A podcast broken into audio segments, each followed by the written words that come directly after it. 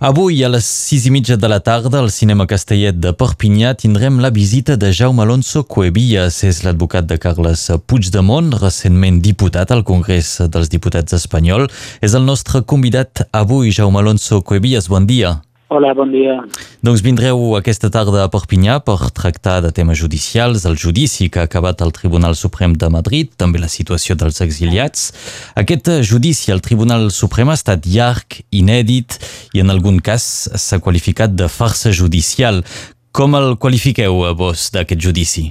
Exactament igual. De fet, un dels objectius de la meva visita a Perpinyà aquesta tarda és la presentació d'un llibre que he escrit recentment on explico precisament això, que es tracta d'un judici polític, que els presos són presos polítics, que el que s'està aplicant no és el dret espanyol conforme als plantejaments vigents, sinó allò que els penalistes anomenen el dret penal de l'enemic, és a dir, quan es jutja persones no per els actes que han comès, sinó per la seva ideologia, per la seva eh, potencial perillositat. Tot això ho hem viscut en un judici carregat d'irregularitats, sense garanties, i aquest és una mica l'eix central de la, de la meva ponència, que és descriptiva de la realitat, amb el mateix sentit que recentment acaba de dir Amnistia Internacional o el grup de treball de detencions arbitràries de Nacions Unides. Mhm. -huh. Les defenses sí que han, han destacat alguns casos d'indefensió i irregularitats. Sí, tot el judici ha estat un cúmul d'irregularitats des, de, des del principi. Començàvem perquè el Tribunal Suprem no era el competent, es tracta de persones que estan aforades davant del Tribunal Superior de Justícia de Catalunya, parlem de membres del Govern de Catalunya, del Parlament de Catalunya, per tant estan aforats a Catalunya, el Tribunal Superior de seu a Barcelona, no pas el Tribunal Suprem de Madrid. Segona cosa, s'ha atomitzat la causa en diversos processos paral·lels, amb la qual cosa un dels temes, per exemple, dels que més s'ha parlat al Judici del Suprem ha estat del paper dels Mossos de l'Esquadra però la cúpula dels Mossos serà jutjada properament amb un altre eh, judici a l'Audiència Nacional, els altres, eh, hi ha una altra causa al Superior de Justícia, a l'Audiència Provincial de Barcelona, és a dir, eh, aquest fet de separar la causa en diverses peces provoca indefensió. D'altra banda, tot es basa en atestats policials, atestats de la Guàrdia Civil espanyola, que els dirigia un senyor que al vespre es dedicava per Twitter a increpar la gent que investigava de dia, eh, carregats d'opinions, de tergiversacions, tot aquest cúmul d'irregularitats són els que van caracteritzar la instrucció del procés i durant l'acte del judici hem vist un president que no ha deixat eh, fer preguntes als testimonis, que ha rebutjat molts mitjans de prova, eh, que no ha permès que es poguessin mostrar els vídeos quan declaraven els testimonis que evidenciaven que estaven faltant a la veritat en la narració dels fets, etc. Com ho deia, les defenses sí que han criticat aquests punts, però no s'han mostrat escandalitzats. Això per què? Perquè mentre durava el judici també havien de donar una certa imatge? Mm, jo crec que sí que s'han mostrat escandalitzat. El que passa que mostrar-se escandalitzat no impedeix que han intentat fer la defensa millor possible, però les defenses han denunciat reiteradament tot aquest cúmul d'irregularitats que ara li explicava.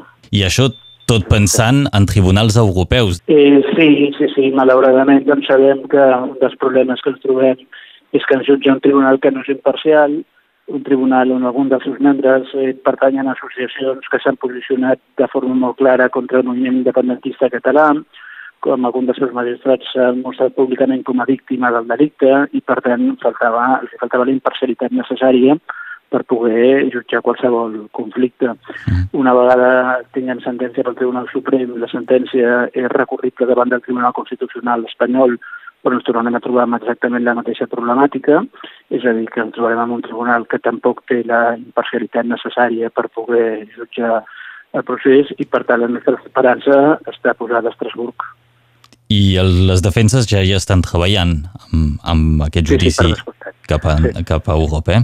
Molt bé. Sí, sí. Uh, parlem... Tenim una estratègia molt marcada des del primer moment, des que vam començar la instrucció, i nosaltres, perquè jo en un primer moment també era advocat, el que passa que després, com que els meus clients estan a l'exili, no ens van quedar fora del judici, però he seguit col·laborant amb ells i l'estratègia està marcada des del primer moment, sí. Uh mhm.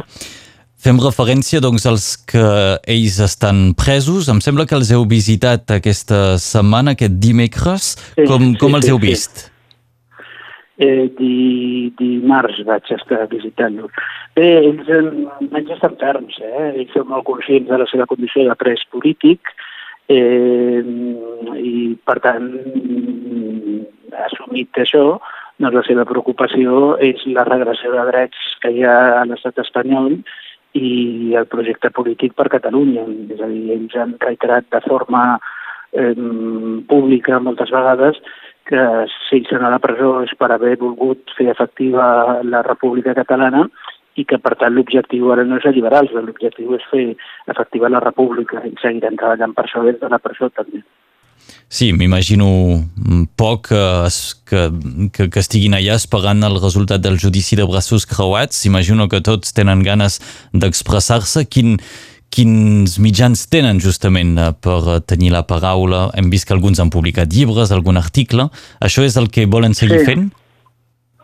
Eh, clar, la presó òbviament limita molt no només la llibertat de moviment, sinó la llibertat d'expressió, però Catalunya no els ha obligat i em passo el dia fent xerrades per tot el territori i les mostres de suport, d'efecte cap a, i d'agraïment cap als nostres presos i exiliats és constant.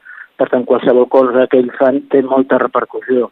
Des dels comptes de xarxes socials, que òbviament no poden gestionar ells, però aprofiten les visites que tenen per demanar-li a les persones que els gestionen, posa'm un missatge, dient això, dient un altre, eh, llibres, articles, eh, a la premsa si, si segueixen tenint veu malgrat l'Estat els vulgui silenciar. Mm. Recordem que els actors polítics que es van limitar a complir el que havien dit de forma pública al programa electoral, per tant no, no hi havia cap secret en res, i que s'ha fet tot sense gens de violència. No? Per tant, qualificar això de rebel·lió és, és totalment absurd. La rebel·lió a qualsevol país del món exigeix violència. És un aixecament eh, armat, un aixecament violent. Eh, el que es va produir a Catalunya a la tarda del 17 no es pot qualificar en cap cas de, de rebel·lió. Mm -hmm. Jaume Alonso Cuevillas, seu l'advocat de Carles Puigdemont, amb qui doncs, teniu un contacte directe i regular. De fet, connectem amb vos, que seu actualment a, a Bèlgica.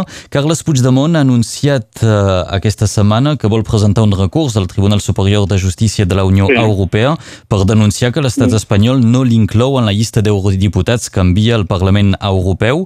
La decisió que pugui prendre aquest Tribunal de Superior de Justícia de la Unió Europea es coneixerà abans del 2 de juliol, que és quan es constituirà la cambra? Doncs això no sé, si arribarem a, a temps o no. El que és evident és que aquí l'estat espanyol novament ha tergiversat la normativa aplicable. Eh, els eurodiputats no representen en un país. Això era abans del Tractat de Lisboa. Des del Tractat de Lisboa, els eurodiputats representen els electors europeus, agrupats per eh, circunscripció i la prova és que una persona de nacionalitat francesa o alemanya es pot presentar a les llistes espanyoles i europeus si reuneix els requisits. No? Per tant, el requisit que preveu la legislació interna espanyola anterior a aquest tractat de, de Lisboa, que sotmet la proclamació a la, al jurament de la Constitució espanyola, no té cap sentit, qualsevol francès, insisteixo, es podria haver presentat i si s'ho hagués presentat no li poden exigir que juri la Constitució espanyola. Per tant, és una interpretació literalista per intentar impedir que el president Puigdemont sigui eurodiputat. Això ho portarem al Tribunal de Justícia i esperem una resolució favorable tant de bo arribi eh, per dir mesures cautelars abans del dia 2, però si no, doncs la tindrem de forma ràpida. I que arribi o no arribi el dia 2, Carles Puigdemont es, podia, es podria presentar en, en eh, persona? El veieu presentar-se allà? Bé, eh, estem pendents dels esdeveniments. Eh? D'entrada eh, hem, hem demanat coses a la justícia espanyola s'ha pronunciat, ara estem de forma imminent presentarem aquesta sol·licitud davant del Tribunal de Luxemburg i estarem a l'expectativa. Si fos a un altre lloc a l'estat francès, seria més fàcil imaginar Carles Puigdemont fer el desplaçament? És a dir, l'estat francès és particularment perillós, vist la situació en què està el president? No, no, l'estat francès no és eh, particularment perillós. Eh, podria haver-hi cert perill, diguem-ne, veient com actua l'estat espanyol, podria haver-hi cert perill al sud de França. Eh? A Perpinyà podria haver-hi cert perill, perquè segueix encara vigent un conveni que de l'època de l'ETA, un conveni entre Espanya i França que permet a la policia i la Guàrdia Civil espanyola entrar en persecucions amb calents de territori francès de 300 quilòmetres. No?